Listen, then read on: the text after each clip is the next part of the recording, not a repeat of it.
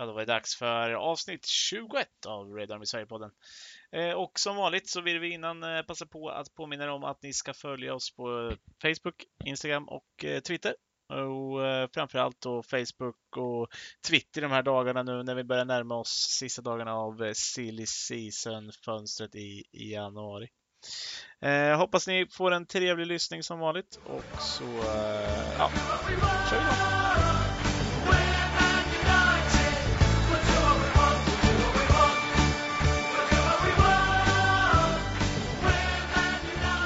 hälsar vi er välkomna tillbaka till Red Army Sverige-podden och ett nytt avsnitt med mig Jonas Andersson, eh, Mikael Krekola och Adam Stenberg. Välkomna grabbar! Tackar. Tack. Är ni så ledsna som vi inte ens får en eh, ölöppning idag eller? Det kommer kanske. Ja. Vi, firar, vi firar aldrig 6-0 vinster. Nej. Minst 7. Nej, precis. För det är väl där någonstans vi ska börja dagens avsnitt. Eh, en 6-0 vinst. Det är ju hände ju inte speciellt ofta. Det var väl någon av er som har koll på. Det var ju herrans massa år sedan, läste jag. Som det hände senast. Arsenal 8-2 va? Ja, men som det var 6-0 just. Jaha. Nej, jag vet inte. Det Mm. var, nej, jag, vet inte. jag läste massa sån här konstig statistik. I alla fall, Tranmere i, cup, i eh, FA-cupen. Eh, på bortaplan. På en leråker kan man väl säga. Såg ut som det skvätte mest lera överallt. Eh, och göra sex mål är ju bra och en del mål är ju ganska fina. Det är alltid trevligt och, och kanske speciellt roligt för vissa spelare. Phil Jones får göra mål. Diego, Diogo Dalot får göra sitt första mål. Maguire får göra sitt första mål.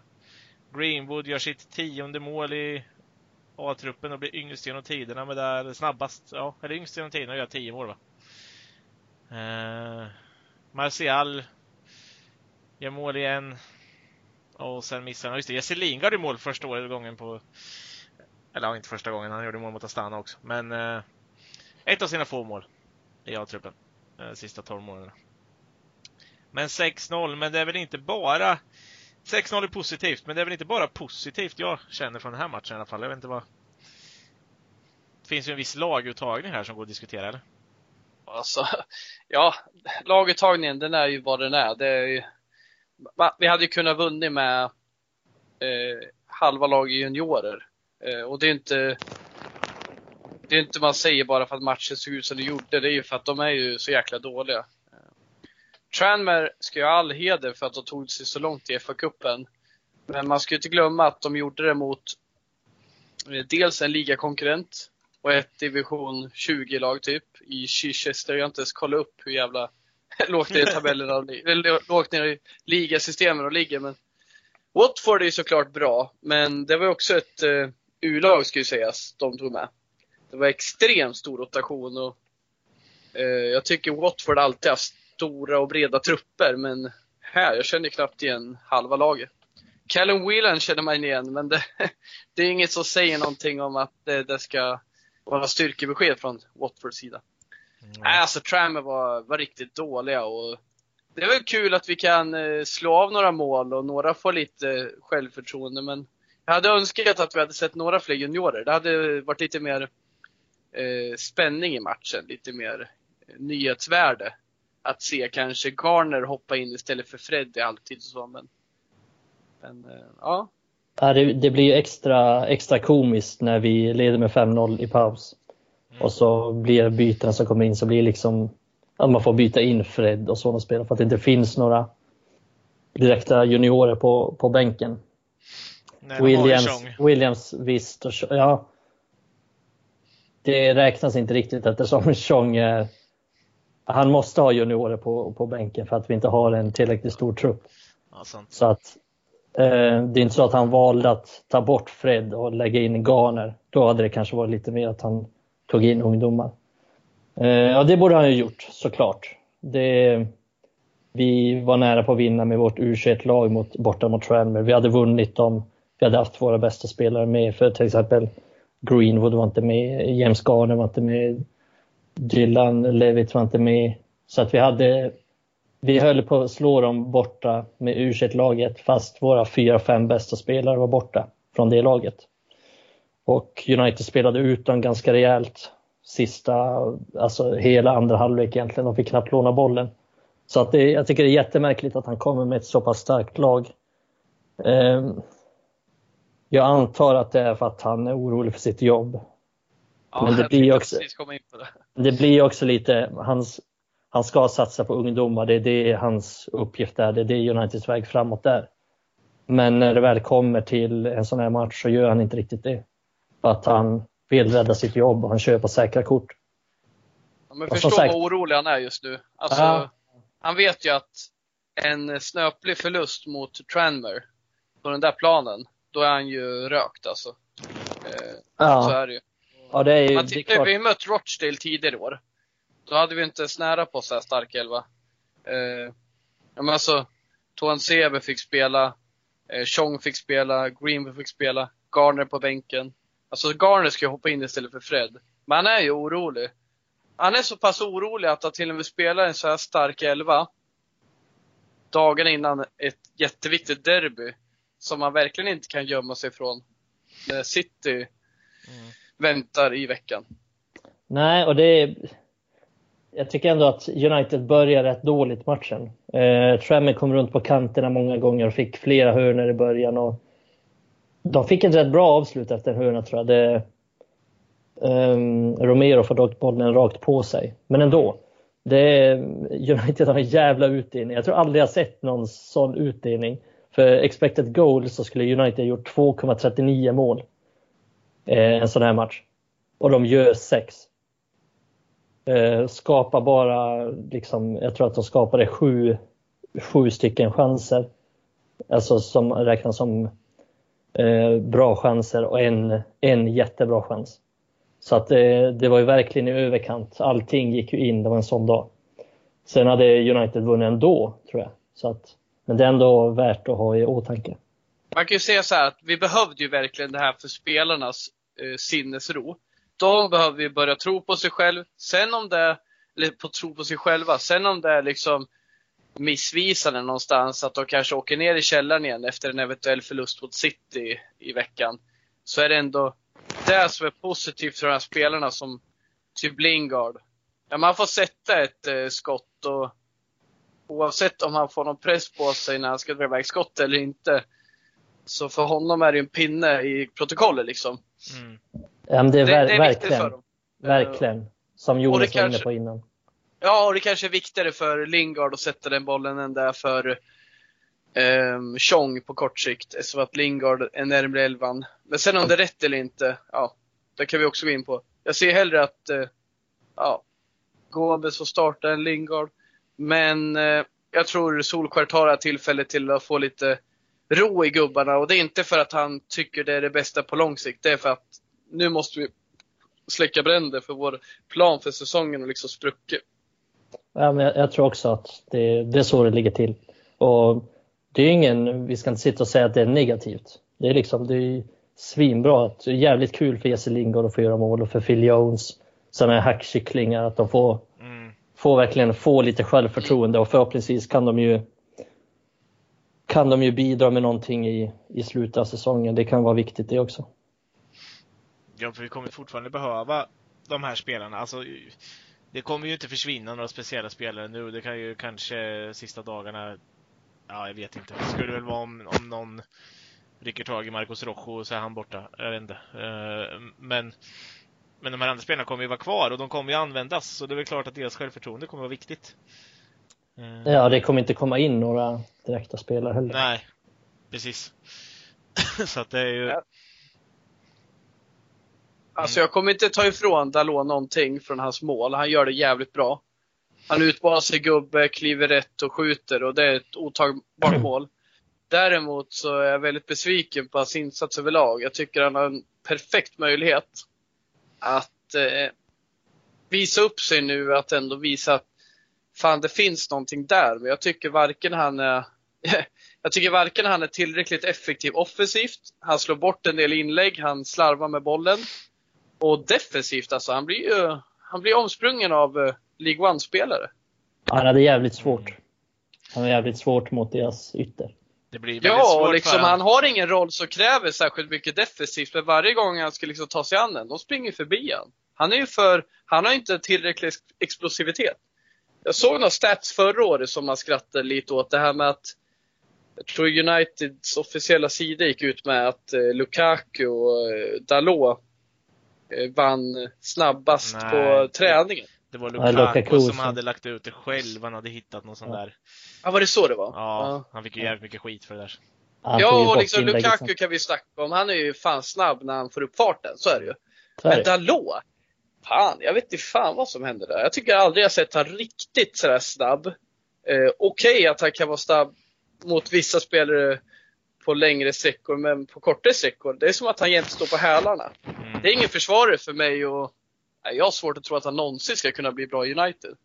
Nej, han är, han är inte så kvick faktiskt. Alltså, sen är han säkert snabbare på längre sträckor, precis som eh, Romelu Lukaku. Men eh, på, alltså, när han möter en ytter, då behöver man vara kvick som ytterback.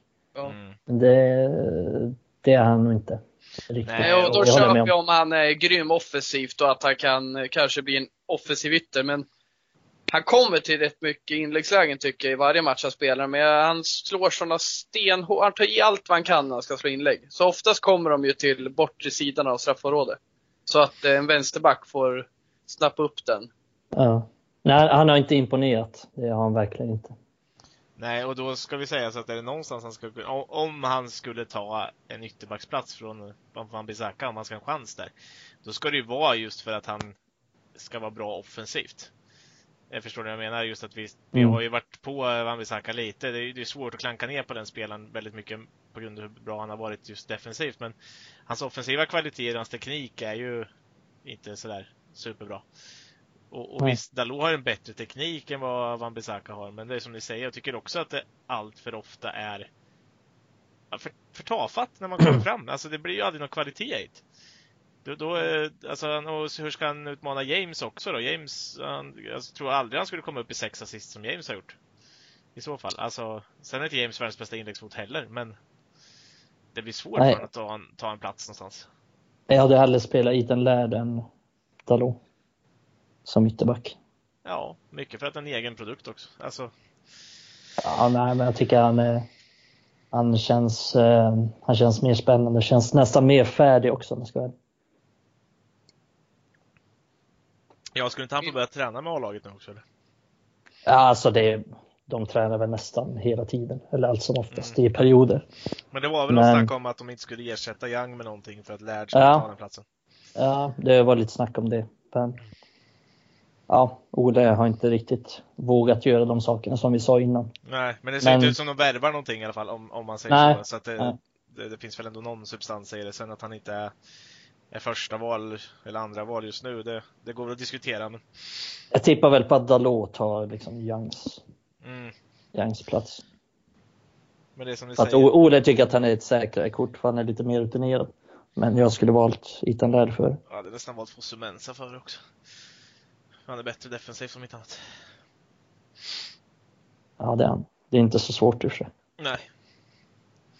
Nej, det är det inte. Jag, jag ser ingen som är, säm, eller är sämre än eh, Dalot defensivt av våra backar. Eh, Faktiskt. Jag tror fan med att Jones hade varit en bättre högerback defensivt än Dalot. Mm. Sen är Dalot säkert bättre på att spela sig fram än Jones och så vidare, men defensivt, han är för naiv och jag börjar fundera på om han liksom, han är ganska storbyggd och ganska tekniskt skicklig tidigt. Så han har väl eh, haft eh, steget framför sina eh, lagkamrater i ung ålder.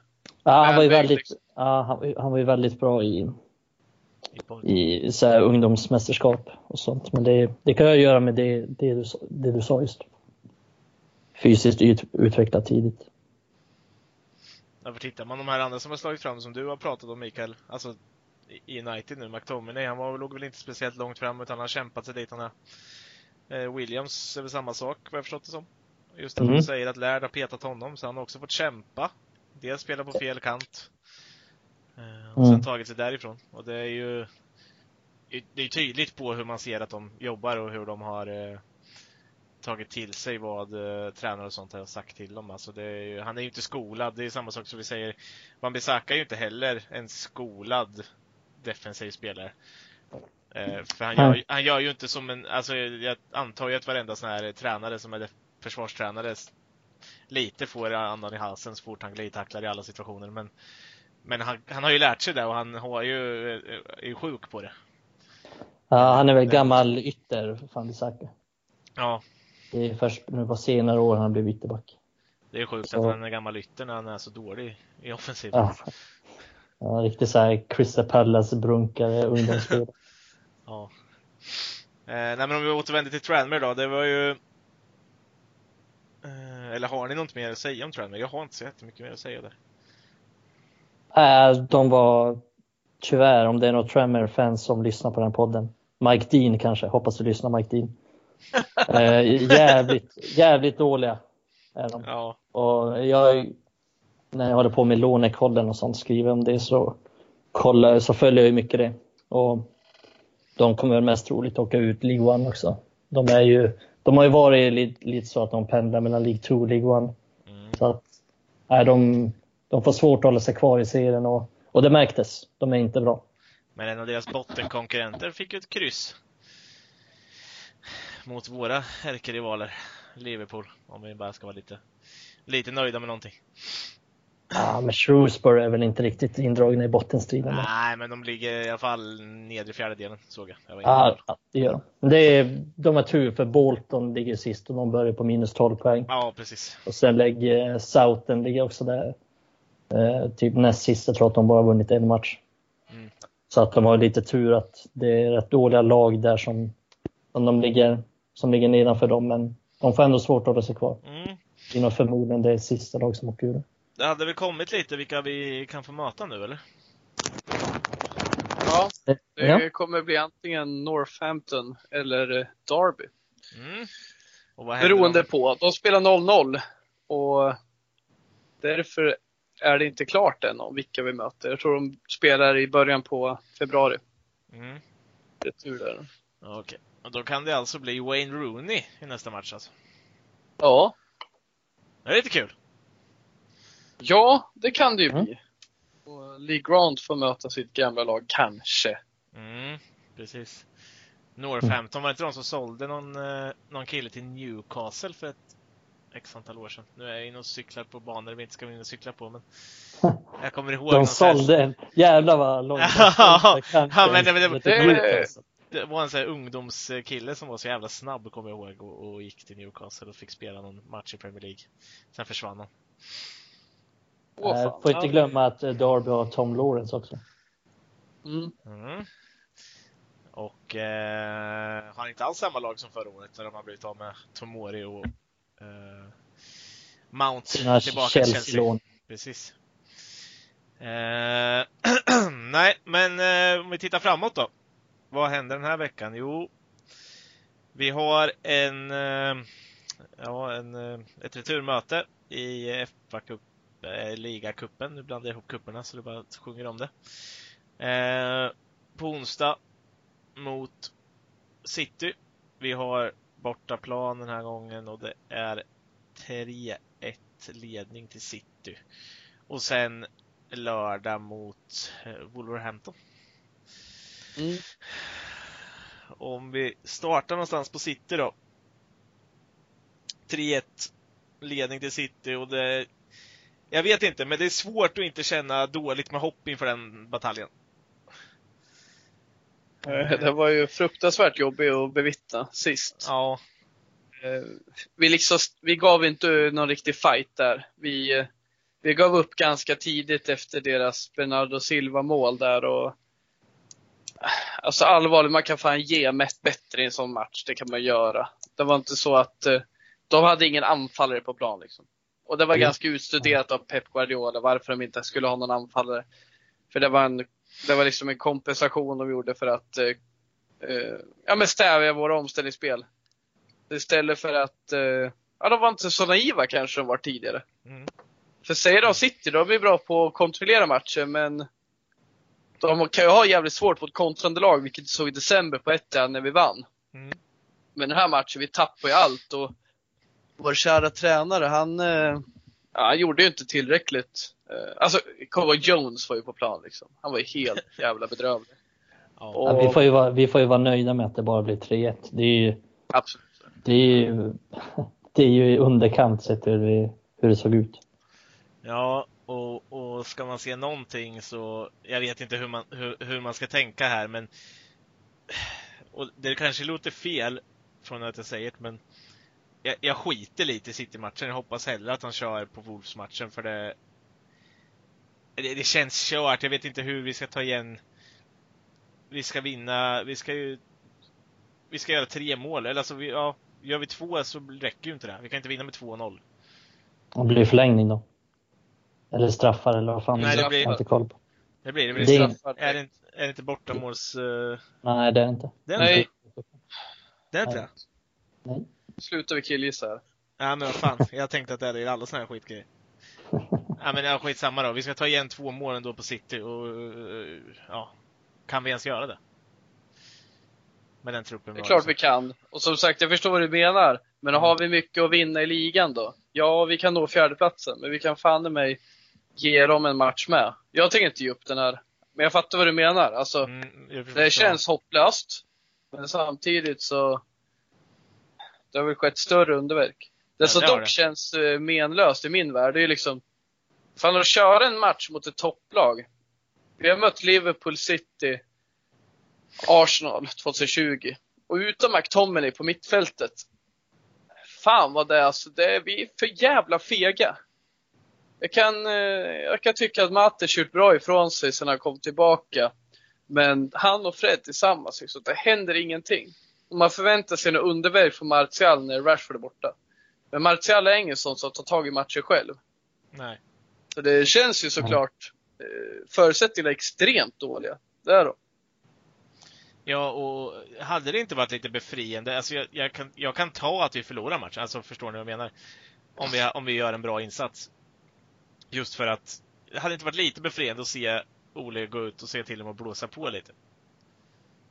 Förstår jag menar? Alltså köra på lite, köra lite offensivt för en gångs skull. Det har ju inte funkat Ja. de två sista matcherna med, med det här omställningsspelet. Vi har ju blivit kontrade på istället själva. Så att det, Ja men absolut, alltså det, jag, jag satt ju och tänkte i december när, inför City-matchen på Etihad att fan vi måste ju, vi måste ju köra lite defensivt, kanske köra Ba- Matic som ett ankare där för att fega. Det gjorde vi inte. Vi tryckte på med McTominay liksom och med Rashford och det gav ju resultat. Vi måste ju våga eh, kliva upp lite och kunna ställa om. Vi kan ju inte liksom backa hem och sen göra kontringar. Så Mm. vassa är vi inte. Vi måste faktiskt ge någonting. Och i den matchen så ställde vi till problem. Eh, Så absolut, jag håller med dig. Klart vi ska blåsa på om vi ska ha en chans i den här matchen. Och plus att vi måste göra mål också. Sen har jag inte så jävla mycket eh, alternativ. Alltså, om vi backar hem och låter City stå och drilla boll så skulle de kunna stå och drilla boll ganska länge och bara spela bort tiden. Ja. Och utan Rashford då så, ja, det blir svårt att, att, att göra jättemycket. Ja, vi måste göra minst, minst två mål utan Rashford. Ja, Borta mot City. Alltså det är minst två mål. Förmodligen mer. och då är jag Det, så här, ja. det jag är inte säker på är ju att, jag är inte säker på att Greenwood startar heller och det är väl honom jag hade kunnat sett göra något mål där. Mm. För det har inte sett ut som att han litar på Greenwood fullt ut heller, än så länge. Även fast vi har skador igen på viktiga spelare där framme. Utan det skulle kunna bli... Ja, men bara, nu, nu är det ju en killgissning igen då, men, men vi killgissar ju när vi säger elver hela tiden. Eh, Men det skulle lika gärna kunna bli James till vänster, Martial på topp och, och Pereira till höger eller Mata till höger. Ja, vi, vi trodde ju att Greenwood skulle starta mot Burnley också, det gjorde han inte. Nej. Det borde han ju ha gjort, men det gjorde han inte. Och, så att, nej, ingenting är säkert med den här matchen. Eh, vad, gäller, vad gäller startuppställning. Men det är klart, ska vi... Eh, det är väl lite annorlunda mot, mot Liverpool kanske och Burnley också på ett sätt. För här måste vi ju, vi vet förutsättningen, vi måste göra minst två mål. Så då tänker jag ändå att han kan starta med Greenwood. Mot Liverpool till exempel, då var det ju mest, ja, vi, vi är jävligt nöjda med 0-0. Och då fattar jag någonstans att han kanske inte startar Greenwood. Mm. Så att, ja, det är, jag har jättesvårt att säga hur jag, ska, hur jag vill liksom ta, ta mig an den här matchen. Jag vet inte. Det, någonstans känner jag att det är kört, men också känner jag vad fan ska vi göra? Vi måste gå ut och försöka göra någonting. Men jag är, och jag är faktiskt inte helt emot att spela den där trebackslinjen igen i den här matchen. Jag vet inte vad ni säger, men jag skulle ju helst byta ut Jones mot Bajir om det hade gått. Eh, nu vet vi att Toan Sebe missar fram till efter uppehållet. Han har ju fått bakslag i den där rehaben. Ehm, så honom kommer vi inte få se. Eh, lyssna, lyssna på den här. Fred och Matic. Jag säger inte att de kommer få ut full effekt av sin kompetens i den här taktiken, men det jag vet att när vi kör 4-2-3-1, då är de inte tillräckligt bra offensivt. De är alldeles för fega för att ta offensiva beslut. Spelar vi en 5-2-1-2, då behöver de inte ta lika mycket offensivt ansvar. Då taktiken faller inte med dem på samma sätt som det gör med en 4-2-3-1 när de fegar. Mm. Jag skulle vilja se någon slags 5-2-1-2 just i den här matchen.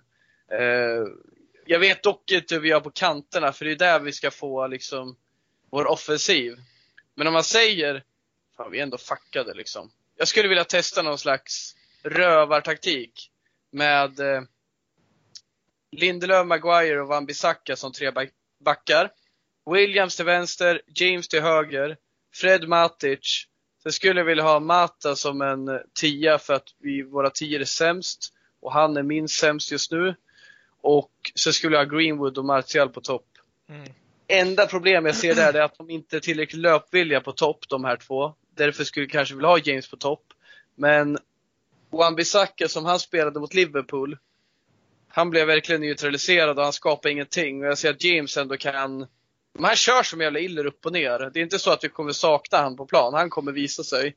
Och samma med Williams han är ju jävligt eh, mogen i spelet så att han, han kliver upp. Han, han blir ju inte trött heller. Eh, sen, sen, tänka... sen, är det helt okej okay om att Shaw är mittback eller något, jag vet inte. Men alltså, jag är inte heller för 4-2-3-1 i den här matchen. Dels för att jag tror inte vi får full effekt på det material vi har och dels för att vi behöver göra en förändring. För det vi gjorde mot City sist, det var rent jävla haveri. Mm. Och jag kan tänka så här, alltså, jag förstår att du vill ha Mata där, men om vi tänker då att de där två är lite för löpfattiga där uppe, om man säger så. Ja. Då hade jag kunnat tänka mig att spela Lingard bara för att det, just den biten, att vi ska få någon mer som löper lite mer. Mm. Eh, just att det blir kanske lite för statiskt med Greenwood, Martial och Mata. Eh, då blir det bara kanterna som löper. Nästan. Klart Greenwood löper ju en del och han löper ganska smart men Uh, ja, jag hade kunnat sett Lingard bara för att, ja men som sagt, jag säger det, det är, det är ju pest eller kolera på de här tre lite och jag förstår vad du menar med Mata. Har ju varit bäst utav dem, eller minst sämst.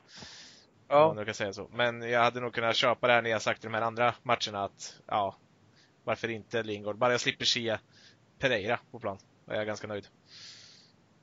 Ja, Pereira spelar ju central mittfältare bredvid Fred senast vi mötte City. Ja, det gick ju bra. Det måste ju vara över nu, hoppas jag. Ja, det är helt sjukt. Att han, han spelade ju där mot Tranmere va? Mot, bredvid Matic. Gjorde han inte det? Uh, ja, precis. Och det är hans nivå. Han ja. spelar i League One. Nej men alltså allvarligt, han, han platsar väl i Championship, men jag ser inte han som en Premier League-spelare.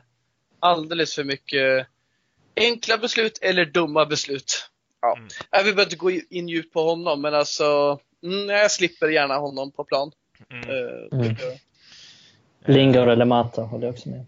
Jag gillar en uppställning av dem. Det är, det är, väl, på, det är väl den uppställningen jag skulle säga att vi har lite chans med, eller bäst chans med. Så att jag håller med om den. Vi tycker att vi köper den och sen Lingard eller Mata, det är, det är ett svårt val. För de bidrar med olika saker och jag ser båda poängerna med dem. Mm. Så att, ja. Men det, jag, just om, det känns om... som vi skulle få mer dynamik i spelet med Matta, att han tar lite enklare touch och får det vidare. Men samtidigt håller jag verkligen med om att Lingard skulle verkligen, han, han funkar spelet och han får bollen tidigt och har en bra dag, då funkar det ju. Men det är ju mm. där jag stannar lite vid. Han har fan inte gjort bra ifrån sig, men absolut i teorin är han kanske den bästa i ett omställningsfotboll. Mm. Men i alla fall där man också, de ska komplettera varandra. Men jag, jag, är, jag är helt med på det. Jag skulle säga jag kan ta både Mata eller Lingard för den delen. Men som sagt, bara jag slipper se Pereira där, för det känns som en, en mellanväg som inte, som liksom är, ja, jag vet inte. Han är ju värre än minimjölk. Det, Vad fan är minimjölk för något? Ja, det var en ett påhit Gul från Ala. bollchef, Ja, påhit från Ala för x antal år sedan som, som, som var typ 0,3% fett i något. Smakar vatten. Ja. Mejeristerna pissade den där eh, tetrapacken när de var fulla. Då sålde de ut extra mycket. Extra Närigt. gul. Ja. Ja, och så häller de i lite vitt extrakt i det så blev det lite vitt också. Nej men alltså, vi, vi skulle vi skulle behöva göra någon skillnad i alla fall. Och Mm. det känns, jag känner också att det är kört, så jag känner att vi kan testa någonting. Och så Ja, vidare. gör, gör något kul utav det. Jag hade inte sett något, jag hade inte haft något emot att se Gomes. Alltså så. Kan väl lika gärna ge honom chansen. Alltså, men, men det där känns ju så jävla långt borta. Vi har ju sagt det typ 17 gånger nu och det händer ju inte. Eh, Bara för det kommer vi starta honom, bara för att det är kört. ja. Han fick ju hoppa in mot City när det var kört. Då genererade han ju faktiskt ett mål. Det gjorde han. Mm. Nu senast, när Rashford stänkte dit den. Gomes som är i pressen, Greenwood kommer i nummer 10-rollen och slår den i djupet enkelt till Rashford som klämmer dit den. Mm. Ehm, Det, det krävs att vi ligger under med 3-0 för att Gomes ska få hoppa in känns det som. Ja. Synd. Nu ligger vi redan under med två, så att gör de ett snabbt då kanske han kan komma in. Nej, vi, vi tippade ju som as när det gällde Burnley-matchen och det, ja, kan väl förlåta för. Men eh, vad tror ni den här matchen blir då? City. Ja, Jag tror att det blir, eh, jag tror att det blir 1-1. Mm. Känner det ganska målrikt tror jag. Eh, 2-2 säger jag. Wow. Ni kryssar igenom det här alltså. ja, men vi kör väl en, en, eh, natt i Paris då. Och kör 3-1 till United. Någon måste ju vara lite positiv. Vad händer sen då? Ja, och sen blev det straffar. Vilka vinner det? Vilka som vinner straffarna? Ja, Mm. det gör inte vi i alla fall, det gör City. Eh, Så positiv var jag. City kan inte göra mål på straff. Nej, kan vi det då? Ja, det Utan Rashford. gjorde mål senast. ja, det är väl Greenwood, men han kan inte ta alla. Nej, det är sant. Skicka fram Jones på en avgörande straff i, i tionde omgången. På tal om Derby. Ja, exakt. Ja, eller va? Gjorde ju mot Derby. Under Mourinho. Gjorde han mål på straff mot Derby? Ja, Nej, förlorade. missade. Ja, han missade. Ja, okej. nu är ni ute och pratar om saker jag inte kommer ihåg. Du har förträngt. Förträngt. Jag har inte förträngt eh, MK Dons dock. Eh, mm eh, vi har ju Wolves också då, om vi ska ta eh, dem också på, på lördag. En match i ligan. Ett Wolves som eh, Ja, kanske de som har förutom United då skakat Liverpool mest. Och de har ju en Adama Traoré som verkar vara i toppform och en Jiménez som har vaknat till. Eh. Ja, han har varit ganska blek mot United dock, eh, Traoré. Eh, vi har ju mött Wolves en hel del det har vi gjort. sistone.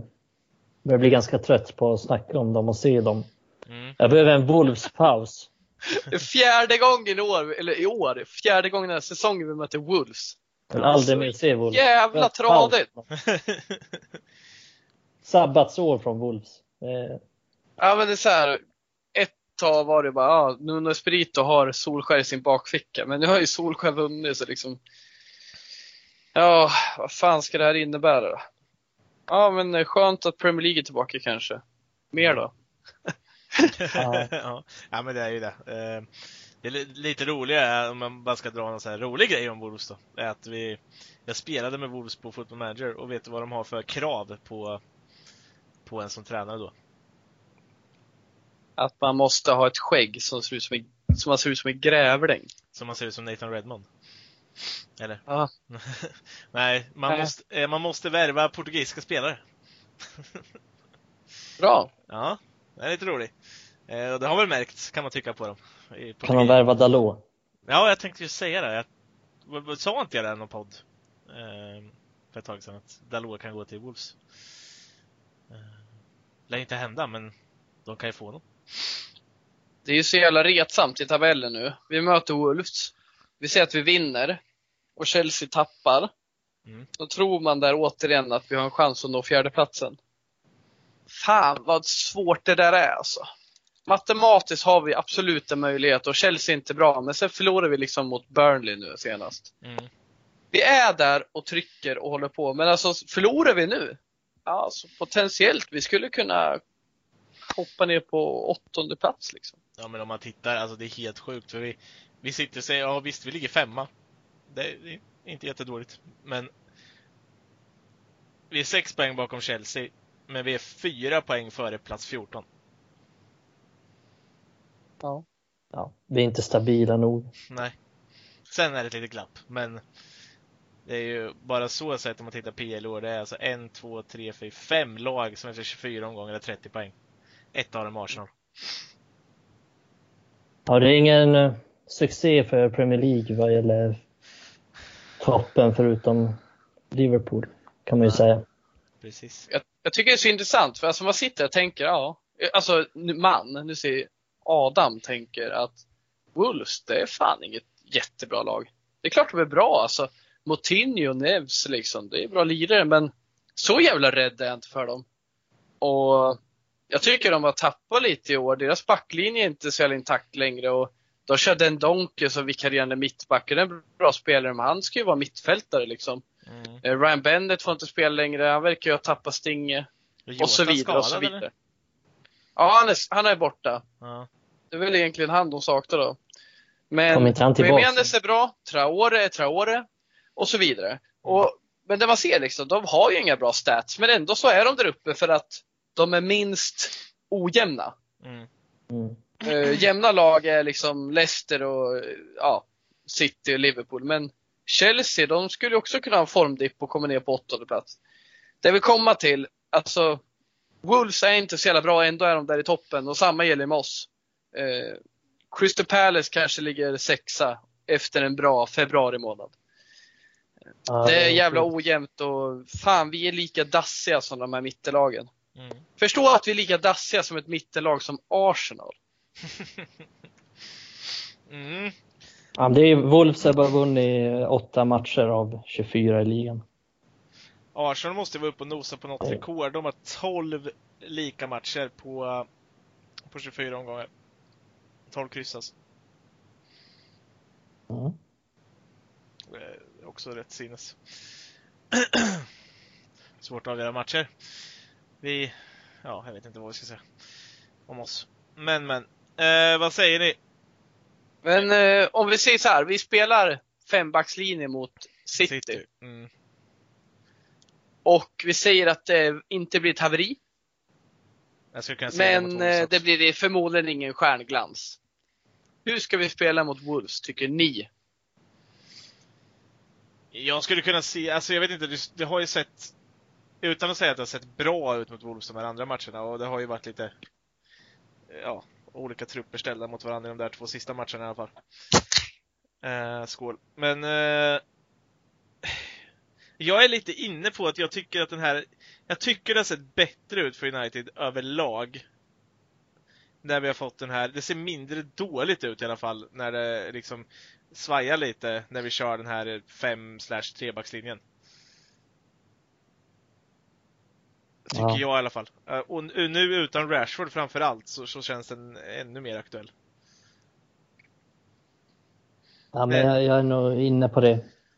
Eh, I alla fall att testa någonting för att det är 4-2-3-1. Då vet vi ungefär vad som vi vet ungefär vad som förväntas, vad som kommer komma. Mm. Och jag ser inte riktigt att att vi kan få någon stor effekt av det. Så att jag är nog lite inne på att, på att testa den här fembackslinjen ändå mot Wolves. Men jag tror inte att det blir någon jättesuccé heller. Men fan, vi måste göra någonting. För Nej, jävla tradigt som det är nu. Precis. Och det som gör att det inte kommer hända så mycket, det har ju fortfarande med att göra att jag tycker att det inte finns någon, finns ju ingen idé i hur vi ska, hur vi ska komma till chanser. Jag är ju Nej, det finns inte det. fortfarande kvar i det där att med en fembackslinje då tvingas vi att spela ett lite rakare spel. Det blir inte lika det blir inte lika centrerat liksom. Det blir att vi tar oss ut mot kanterna och hittar två gubbar på löpning. Eh, det blir inte lika mycket target-funktion tycker jag också på våra anfallare. Vi Mm. hittar djup oftare helt enkelt och eh, det är väl det vi vill. Det är väl det vi kan.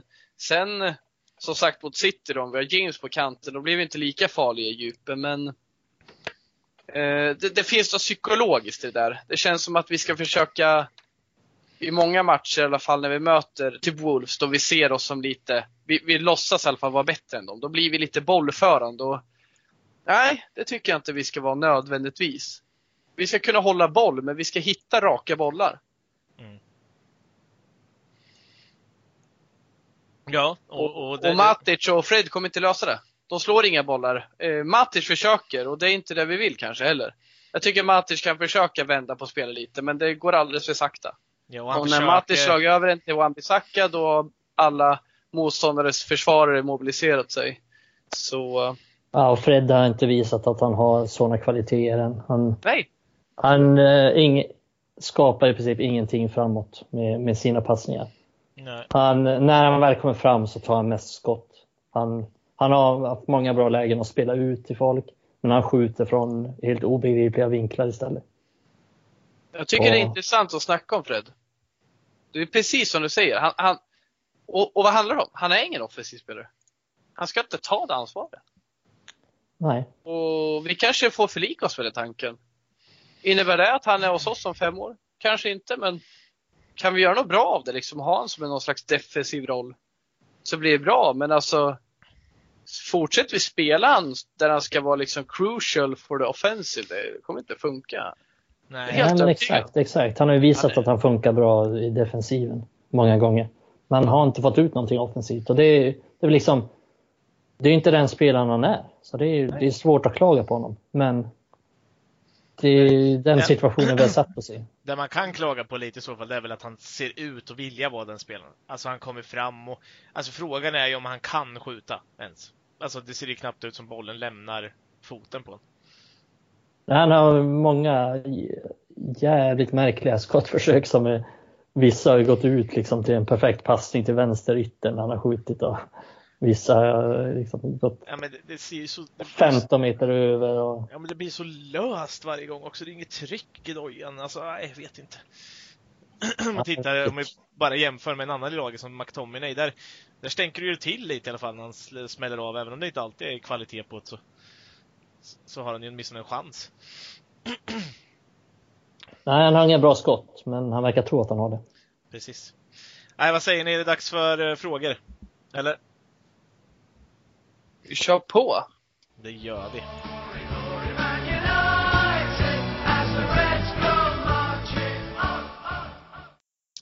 Ja, då var det dags för frågorna! Frågor. Och frågor får vi och vi gillar frågor.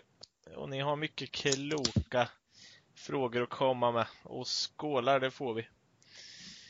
Eh, vi börjar väl någonstans här och eh, ja, mannen med ett rätt skönt eh, Twitternamn. Eh, Drama, Dramatic. Eller, ja, jag antar att han eftersom han är United-fan ändå ska vara så. Eh, skriver Berätta lite om Director of Football-ryktet. Skulle detta gynna oss om ryktet är sant? Då menar han den här Antero Enrique, eller? Ja, men vi får väl anta att han menar det. Det ryktet eh, dök ju upp i idag va? Ja, som vi skrev ut på Twitter. Mm. Och om det är den han utgår från så ja, alltså så här. Alla, jag tror fan alla som i alla fall haft någonting med fotboll att göra är en bättre director of football än den som eh, Ed Woodward ut, eh, vill vara. Mm. Och den rollen han tar i den här klubben. Jag skulle hellre se Peter Antoine som director of football än honom. Så är det. Alltså vi behöver någon fotbollskunnig. Och eh, Peter Antoine kanske inte den mest den jag tänker på i första hand, men ni förstår mitt resonemang. Vi måste ha in någon kille som kan fotboll och som faktiskt har med fotboll att göra. Mm. Antero Enrique liksom, han har ju extremt starka meriter historiskt när det kommer till att locka spelare genom ett scoutingnät i Porto liksom. Då hade, de är, ni vet ju Portos historia av spelare de har tagit in och sålt vidare. Mm. Det är en kille som har kontakter och han kan locka talangfulla spelare historiskt då. Men hans senaste session i PSG, den får väl ses som sådär. Han har ju varit med och lockat några spelare då. Men eh, stora namn som Neymar till exempel, enligt vad jag har läst, eh, kanske inte han direkt låg bakom. Men han har varit där och nystat lite. Men det finns väl andra grejer som att Neymar värvade ju PSG på en urköpsklausul och det kanske var Maxwell som drog i de största trådarna där. Men i alla fall, Hul, eh, Hulk, eh, James Rodriguez, Fulcao. Det är bra spelare han lockade till Porto, men det var ju också några år sedan. Hans senaste session ser inte jättesexig ut i PSG, men kan vi få in någon som ändå älskar fotboll och inte älskar att vara revisor så ska vi ha han som director of football. Så ja, Enrique är en bättre director of football än Ed, det kan jag lova. Sen om han är rätt. Jag hade ju kanske inte föredragit honom, men vad fan, kommer han in då, då har vi ju helt plötsligt nya förutsättningar i klubben. Om Woodward steppar ner och den här killen får en möjlighet att etablera ett scoutingnätverk som han tror på, får dra i sina kontakter och faktiskt bygga eh, vårt fotbollslag som vi vill med fotbollskunniga människor. Då kommer vi en bit på vägen mot våra mål. Mm. För det känns inte lite som att just nu, om man bara tänker på att vi, vi tänker på honom och vi tänker överhuvudtaget vi får in någon, att vårt scoutingnätverk nu, är det någon som har riktigt bra koll på det? För att vi, vi är ute och läser allihopa lite alltså rykten och man läser om mycket saker. Vi har scouter där och scouter där. Men det känns ju som att vi har nio eller tio chief scouts. För att det står så här, United Chief Scout har varit där, och United Chief Scout har varit där, och United Chief Scout har varit där. Och det står även i rykten när det ska till att förhandla. Men en Chief Scout har ju aldrig ett, ett jobb i att förhandla. Han har ju bara ett, liksom, bedöma spelaren. Mm. Eh, och då blir man så här, ja, men ett sånt rykte känns ju alltid lite billigt. Eh, men det känns ju inte som att de vet exakt vem det är. Ja, sen så dyker det upp några andra namn, som när det gäller typ Bruno Fernandes. Jo, Matt Judge har jag hört några gånger, men så stod det två andra namn med där också. Som jag aldrig har hört. Som jobbar Ja. under Ed Woodward. Och visst, det är ju Ed Woodward som är... Man kan ju inte säga att det inte... Alltså man kan aldrig ta bort något från honom. Det är han som är den största klåparen av alla här. Eh, som VD. Men under de här två, eller under honom, så är det ju sju andra klåpare också. Som inte lyckas med Ja. sitt jobb. Men det går ju hand i hand. Ja. Det är ju för fan han som är med och bestämmer det där. Alltså Ja. om han nu har en kärlek för att bygga ett nätverk som faktiskt kommer gynna oss sportsligt i framtiden. Alltså, han fixar inte det. Så det Nej. är klart det är han, men absolut. De han anställer, de, ha, de han ser till har förfogande över vår, vår talangscoutingverksamhet. Det räcker inte. Och det börjar med honom faktiskt. Mm, det vi Jag ser, ja, och det är ju så. Alltså, hade han satt höga krav, då hade vi kanske bytt ut dem flera gånger under vägen tills han är nöjd. Men, men det finns liksom ingen kärlek för det där. Det finns ingen aktivitet. Jag tror fan inte vi har gjort något riktigt bra scoutingköp sen typ Javier Hernandez kom innan VM 2010. Mm. Han blev ju klar inför turneringen och hans eh, marknadsvärde ökade liksom med tio gånger pengarna. Eh, alltså tio gånger. Han var värd, vad fan var han värd? Var han värd fem miljoner pund eller när han kom? Ja, var. Något sånt. Han kanske inte blev värd 50 miljoner pund, men ni fattar vad jag menar. Ja. Alltså, Men Ja. det, det är så här, och, och tittar man nu då, jo visst, för då kommer ju säkert några när du säger det här nu bara, men Daniel James får en bra scouting. Ja, fast det var ju typ mycket på grund av Ryan Giggs. Och Ryan Giggs jobbar inte för United. Nej, det, Nej, är, och det- det är väl bara att kolla på Fambisaka-värvningen. Eh, de hade ju, de hade ju liksom så här, typ 500 namn i sin, i sin databas liksom, som de kollade på högerbackar och sen bara okej, vi tar Fambisaka. Som spelar i Crystal Palace och liksom inte krävde någon scouting överhuvudtaget egentligen för att köpa. Och man kan ju också ifrågasätta vad är tanken med Fambisaka? För att jag, jag tror ju inte att han kommer någonsin bli en bra offensiv högerback. Och jag tänker väl att Manchester United ska ha en bra offensiv högerback. Det är bara att kolla på de bästa klubbarna. De styrs ju nästan av offensiva ytterbackar, typ Liverpool. Mm. Eh, så att det, är- ja, det, är- det är lätt att ifrågasätta scoutingen också. Ja, men det är klart det är. Men det är, det är lite där vi kommer tillbaka just till frågan då med Director of Football. Just att Ja, men du måste ju ha någon som som sagt brinner för det och som arbetar bra ihop med, med tränaren. Så att man, man köper in spelare som, som passar in i hur man vill spela och sådana här saker. Det, vid United, och speciellt Ole då, som vi spelar med det tycks ju ändå se ut som att han vill spela med offensiva ytterbackar. Varför köper man då en, en, bara en bra defensiv ytterback? När man egentligen bara har en tjockis som är, är okej defensivt på vänsterbacken och ingenting det är, för att, eh, det är för att United inte har någon tanke med sina värvningar. De har ingen tydlig röd linje. Nej, precis. Så det är väl klart att det här skulle gynna oss om ryktet är sant. Det, det finns ju inte, jag tror inte att även om han var, som du säger Adam, var sämre i PSG, så tror jag inte att det blir sämre än vad vi har det nu. Nej, det är ju så. Allt blir bättre som sagt utan Woodward.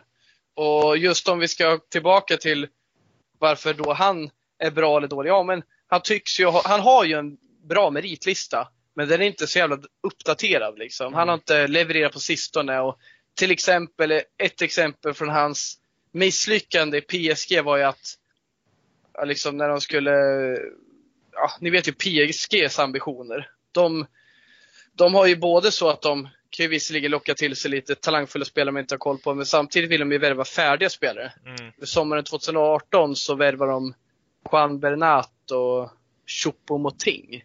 liksom, liksom det, det, det var väl lite där det började kärva i eh, klubbens relation till honom och i synnerhet Tursel som jag tror inte kom så bra överens med honom. Då. Eh, och det är bara vad jag läst och jag har ingen superkoll på honom. Men bara för att få lite perspektiv på honom.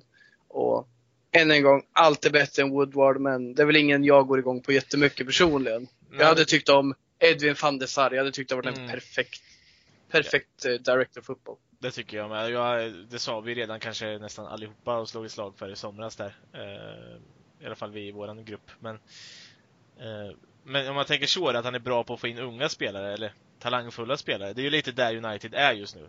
Vi kan inte värva världsstjärnor. Alltså världsstjärnor kommer inte till oss bara sådär. Inte som det ser ut just nu. Ole lockar inga världsstjärnor. Jag kan, jag kan hålla med dig det jävligt mycket Jonas, för om vi ska se det i det, att världsspelare kommer vi kunna locka om United är bra och United har sitt varumärke, det kommer mm. de alltid ha så länge vi är i toppen. Däremot, den där grejen med att locka unga spelare, ha det nät, skapa det talangnätverket, eh, eh, ha den director football. Det är ingenting Woodward kan göra gratis. Det krävs mycket mer kompetens än att bara ringa Di Marias agent och säga tja, vi har en plats för dig. Ja, du får dubbelt betalt och kom nu det, liksom, det krävs mycket mer för att locka eh, den typen av spelare. Mm. Och tittar man så här, men det är också där, Uniteds varumärke är fortfarande jättestort. Och framförallt i England och, och, och, och, så om man tittar så är det fortfarande stort för unga, unga fotbollsspelare. Och det är därför sådana här spelare som Madison och sånt ändå har hållit på United och kan tänka sig att spela för United i vilket fall. Även fast det ser ut som, som skit just nu. Eh, men jag tror ju inte att jag tror ju inte att en portugis som sitter där ute bara tänker jo men Ronaldo blir bra i United. Eh, jag går till United. En ung portugis. Ja visst, Dalot gjorde det men han är ju inte kanske den största talangen i, i Portugal. Nej. Förstår du vad jag menar? Eh, ja. Utan då krävs det ju någon äh. nätverk i så fall. Men det har väl aldrig riktigt varit så heller. Alltså så här, unga portugiser. Visst, Ronaldo kom. Men Ronaldo ville ändå till Real Madrid till slut. Jo. Det är aldrig så att United har varit störst, alltså om, vi, om vi snackar liksom så unga sydamerikaner och sydeuropeer. Nej.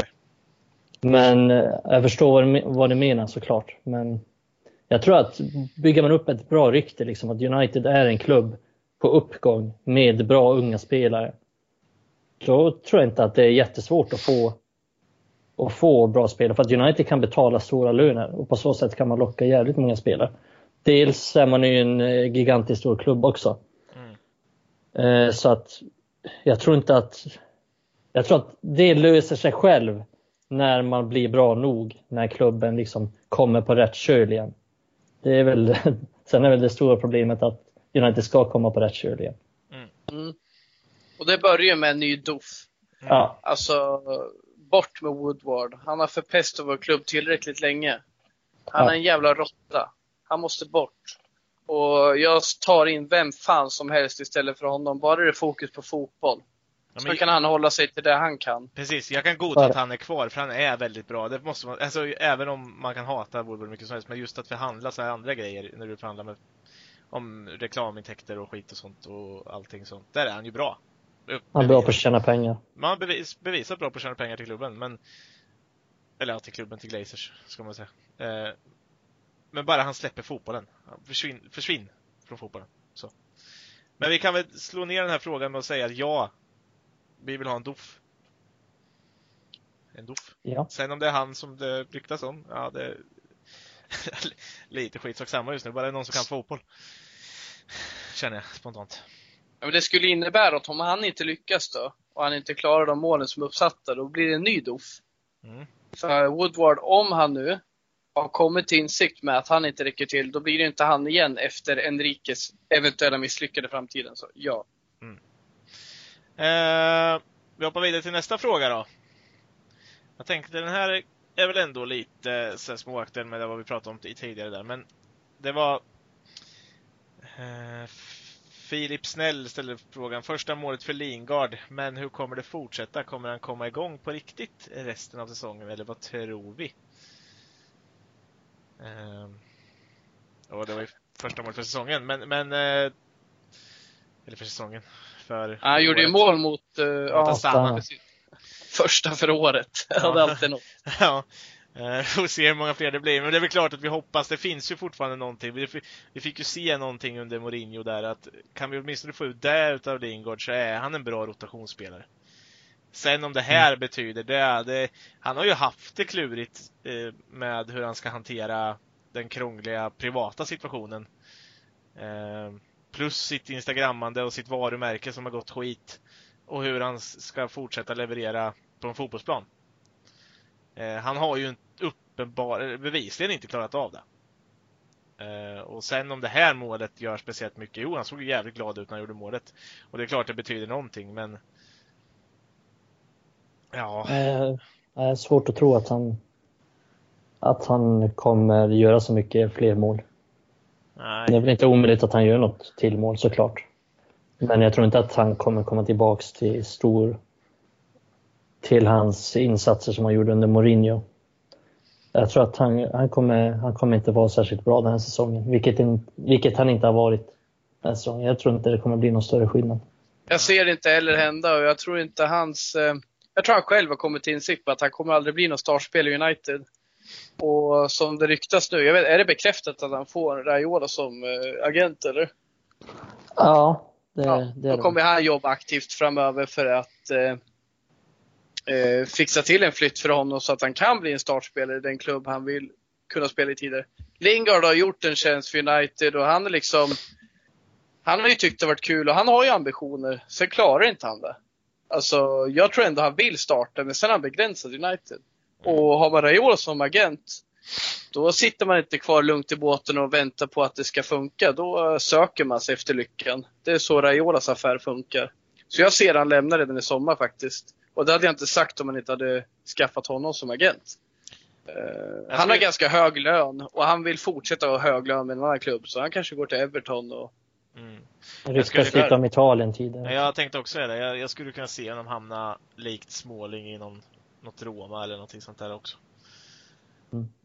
Skulle inte vara helt, helt omöjligt faktiskt. Han har den, den auran också att kunna gilla Italien. Jaha. Ja, nej, men alltså kartan har ritats om för Lingard i alla fall, så är det ju. Mm. Han är ju... Och vi har väl aldrig liksom trott heller att han ska bli en startspelare sen, eller aldrig. De senaste året har ju bekräftat att han, han har slagit taket på sin potential. Ja, men det är väl aldrig riktigt, alltså, jag har ju följt honom länge. Det är väl aldrig någon som har riktigt trott att han ska vara ordinarie någonsin. Han har inte varit, även fast han har varit en, en av de bättre i akademin så har han inte varit direkt. Det är inte direkt någon som har trott att han ska bli ordinarie i United.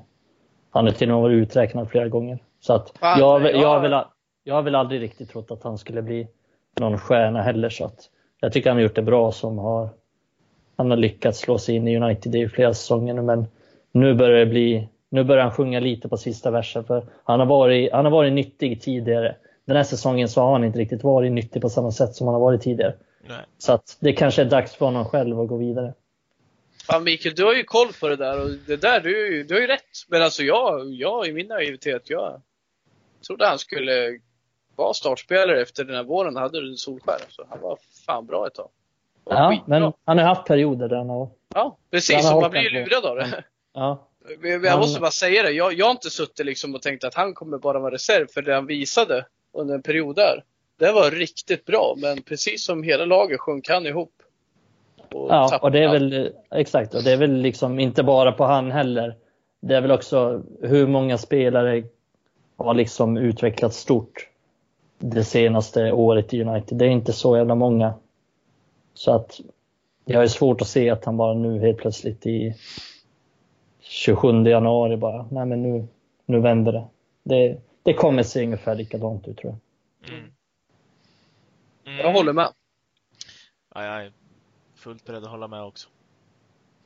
Men, eh, ja, vi hoppar in på, på, på kvällens sista fråga tänkte jag säga, men på avsnittets sista fråga, som det får bli. Eh, Tobias Hjelm vill veta lite om våra ungdomar här och eh, ja, jag kan väl tycka att den är ganska... Gar- Gomes och Tjong får ingen speltid, eller knappt i alla fall. Eh, varför lånas inte spelarna ut till Championship eller League One? Det borde väl gynna deras utvik- utveckling, eller? Plus att han skulle veta hur det ser ut med kontraktssituationen då mellan med, med Chong och Gomes. Ja, det Det är just vi det också. är, Kan vi ställa den frågan med? Ja. Jag är också nyfiken på det. det är just det som är problemet. Det går inte att låna ut Chong och, och Gomes Nej. om deras kontrakt går ut i sommaren. Liksom, vad ska jag? Låna ut dem till Leeds och sen, bara, sen drar han Sen drar Chong till Inter liksom efter det. Det finns ju ingen poäng i det. Nej. Så det, det är väl den stora anledningen till att de inte blir utlånade. Och vad gäller deras kontraktssituation så är det väl så här att Chong och Solskjaer kommer inte riktigt överens vad det verkar. Och Chong vill ha ett Chong vill ha mer pengar. Hade inte han ett o- ganska orimligt krav på pengar eller? Han vill ha 35k i veckan. Ja, var det där? Jag tror jag tänkte det var 50 eller någonting sånt där. Men ja, Nej, men han får 50 i Italien tydligen. ja okej. Så det är väl det. Han, han vill ha mer pengar. United tycker inte att det är rimligt att ge honom 35k. Mm. Eh, Så det är väl det. Det, är, det verkar vara problemet där. Problemet med Gomes är att Han det vill är spela. inte pengar. Han vill spela och han får inte spela. Och eftersom han inte får spela så vill han naturligt inte vara kvar. Nej. Eh, Så han vill bli, han vill få speltid, han vill bli lovad speltid, men han har inte riktigt fått det. Han har fått spela, han har fått spela mindre än Garner, han har fått spela mindre än Chong.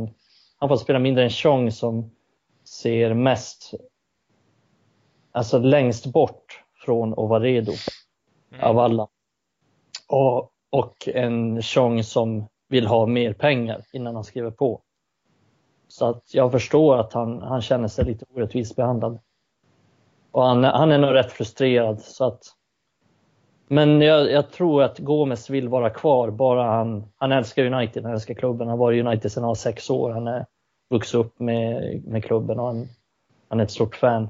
Han vill vara kvar, men han vill också spela. Han har ambitioner. Och han är en spelare som... Ja, det, det, det är många toppklubbar som vill ha honom. Eh, utomlands också. Det är, en, en attraktiv spelare. Så att det är väl det, där ligger problemet med honom.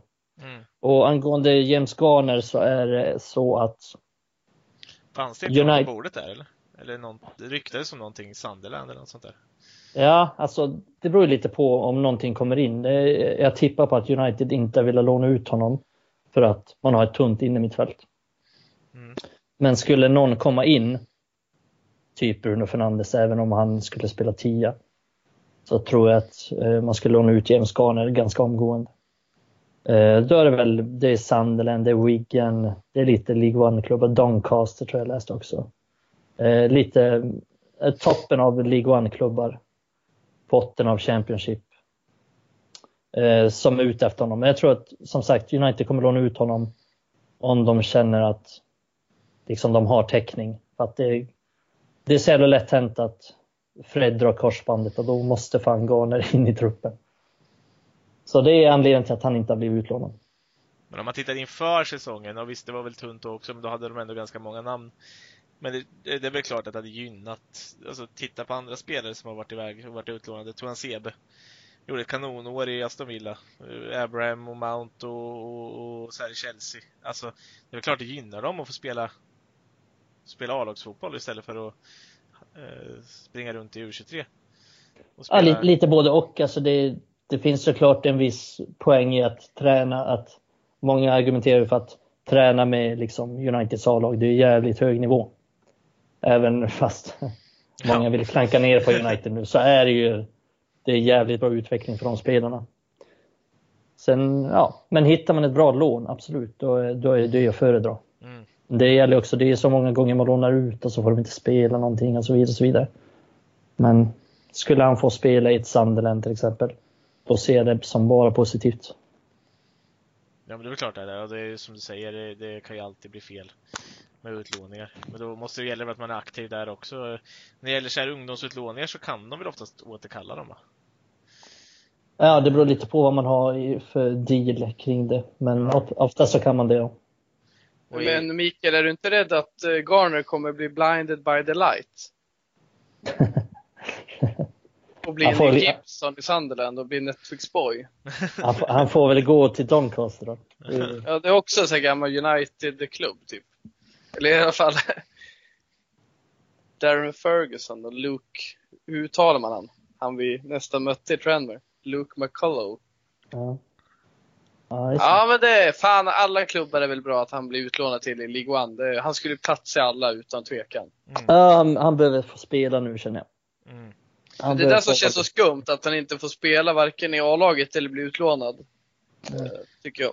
Han och U23 bli... spelar ju aldrig matcher heller, så det blir att han inte spelar någonting alls. Nej, precis. Nej. Och det kan ju inte vara bättre än att vara utlånad oavsett.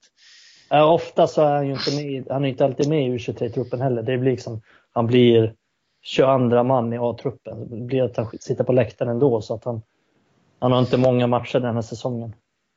Man, man gillar ju inte det upp, alltså man, jag gillar inte oh, andemeningen med att liksom Tai Chong ska önska mer pengar för att vara kvar i klubben. Då har han ju tappat hela syftet med det. Mm. Alltså Gomes, jag köper att han, jag köper faktiskt att han går om han inte får spela. För han har så extrem talang och jag, om det nu är så att han inte räcker till enligt Solskär eller någon, men ta med honom på bänken och låt honom hoppa in lite då och då så han får lite 20-30 minuter. Det får han ju inte. Chong, alltså jag, jag, köper om han har satt en, så här, jag måste få spela nu, det är viktigt för mig. Men det handlar ju mer om liksom pengar tydligen. Gå upp i mm. lön. Mm. Fan, mm. börja leverera istället. Det är där det ska handla om. Mm. Det gör mig fan irriterad med Chong. Gå med sig inte irriterad på alls. Men, jag känner att Chong kan dra om det är pengar det handlar om. För, alltså, vi har ju klagat på att ja. vår klubb ger oskäliga löner till våra spelare. Vad skickar det för signaler om någon som fan knappt har visat sitt värde i klubben ska gå upp i lön.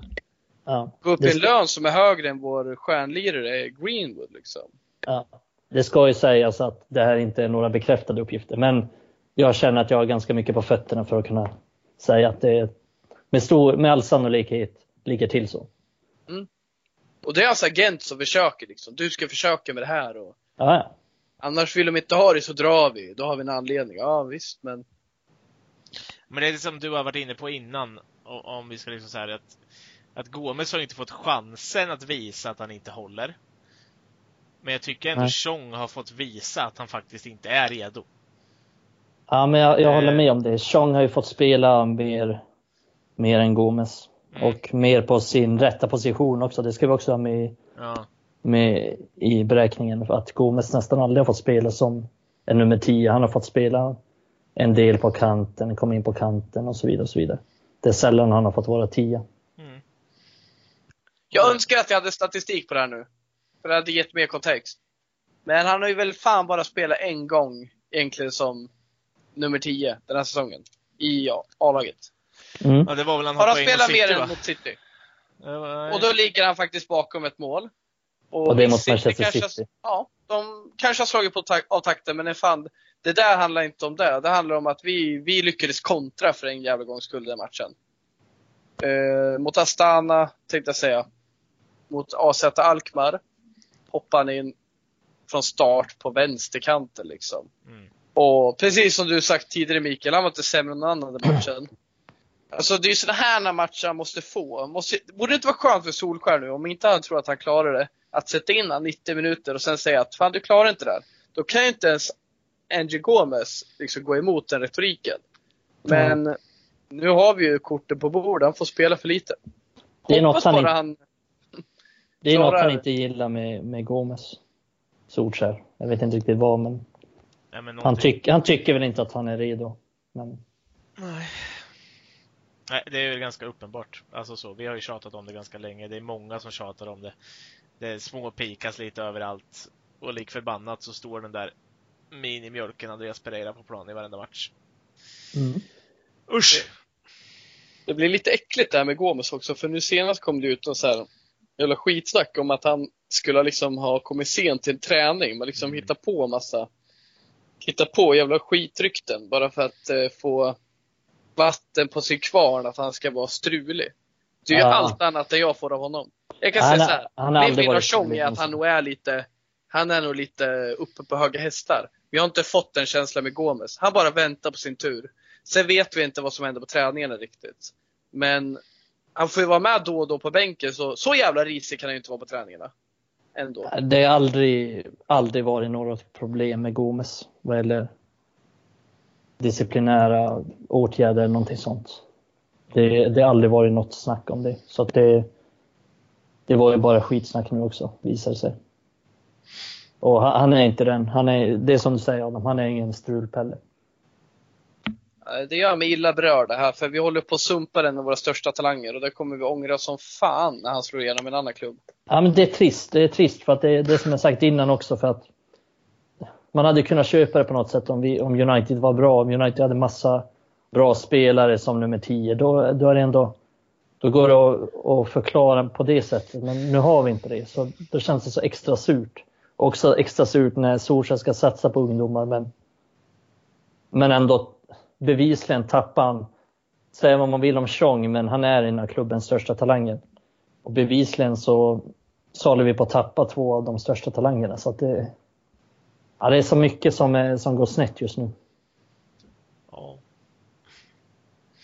Mm. Det är, det, det är felval på felval överallt och eh, tyvärr så börjar tiden rinna oss ur händerna idag. Men jag tycker fortfarande det är gött snack. Eh, jag hoppas ni är nöjda. Vi är nöjda. Vi är nöjda. Nu ser vi fram emot en, eh, en eh, bra insats av United mot City. Mina krav är inte höga, men eh, jag förväntar mig att de ska ge allt för att bära tröjan värdigt. Det är väldigt lite man kan kräva. Ja, Precis. Eh, nej men det vore väl trevligt att kunna komma in till nästa podd och säga att vi faktiskt gjorde två helt okej insatser mot två helt okej lag. Och Eller två vad- mål i varje match. Eller varför inte sex? Nej, vi avrundar Och där. två långtidsskador. på Martial och Greenwood. Vi avslutar där. Vi tackar så mycket för att ni har lyssnat. Hej de här.